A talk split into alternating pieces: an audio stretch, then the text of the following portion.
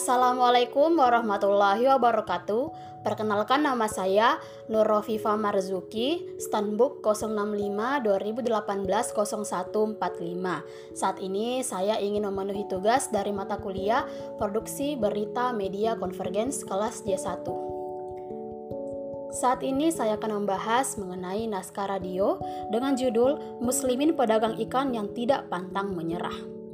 Muslimin 44 tahun membagi hari-harinya dengan berjualan ikan di Pasar Kerung-Kerung, Jalan Kerung-Kerung, Kelurahan Macini Gusung, Kecamatan Makassar, Kota Makassar, Sulawesi Selatan, Kamis tanggal 18 bulan 3 tahun 2021 di pagi hari. Pagi itu, Muslimin telah sibuk menjajahkan jualannya di depan para pelanggan setianya.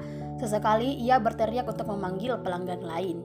Ikan-ikan yang dijual tidak hanya satu jenis ikan, melainkan terdapat beberapa jenis ikan.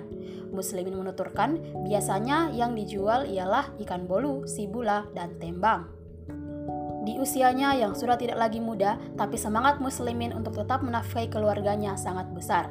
Yang mana muslimin mempunyai dua anak yang masih duduk di bangku sekolah dasar. Dengan tetap berjualan ikan, muslimin bisa membiayai sekolah anak-anaknya. Muslimin menyampaikan bahwa anaknya ada dua orang, yang satu masih kelas 2 SD dan yang satunya lagi kelas 4 SD. Menjual ikan di pasar setiap harinya tentu tidak selalu mengalami keuntungan yang signifikan. Kadangkala, muslimin juga harus mengonsumsi ikan yang dijualnya sendiri, lantaran ikan-ikan banyak yang tidak laku. Terlebih lagi, masuknya pandemi COVID-19 ini membuat banyak pedagang gulung tikar.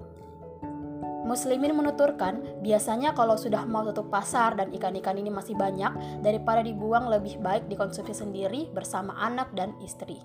Karena pemasukan juga kurang, jadi untuk mengurangi biaya belanja istri, biasanya muslimin mengonsumsi ikan yang sudah tidak laku ini.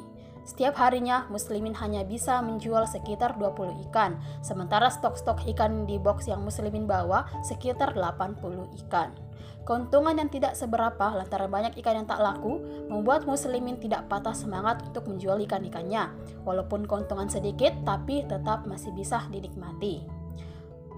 Muslimin menjelaskan, setiap harinya ia biasa hanya bawa pulang uang sekitar 70 ribu saja. Tentu ini kurang, belum membeli kebutuhan anak, belum juga untuk kebutuhan rumah tangga.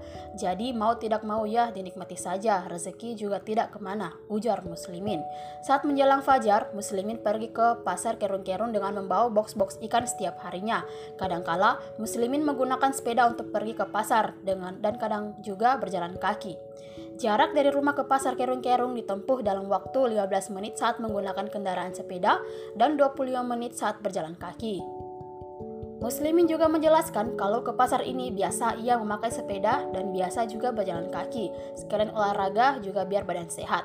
Kalau naik sepeda itu hanya 15 menit sudah sampai. Tapi kalau jalan kaki biasa 20 menit, 25 menit baru sampai. Muslimin telah melakoni pekerjaannya selama 26 tahun dan setiap pagi Muslimin hendak membuka tenda dengan menyiapkan ikan-ikannya untuk ditaruh di meja.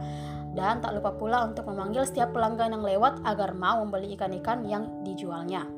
Saat menjelang sore, biasanya muslimin menurunkan harga ikannya karena takut banyak yang tidak laku terjual. Muslimin menuturkan kalau sudah mau tutup pasar itu biasa menurunkan harga ikan karena takut nanti banyak tak laku. Namun, walau sudah banyak diturunkan harganya, tetap ikan masih belum laku. Itulah tadi pembacaan mengenai naskah radio Muslimin pedagang ikan yang tidak pantang menyerah.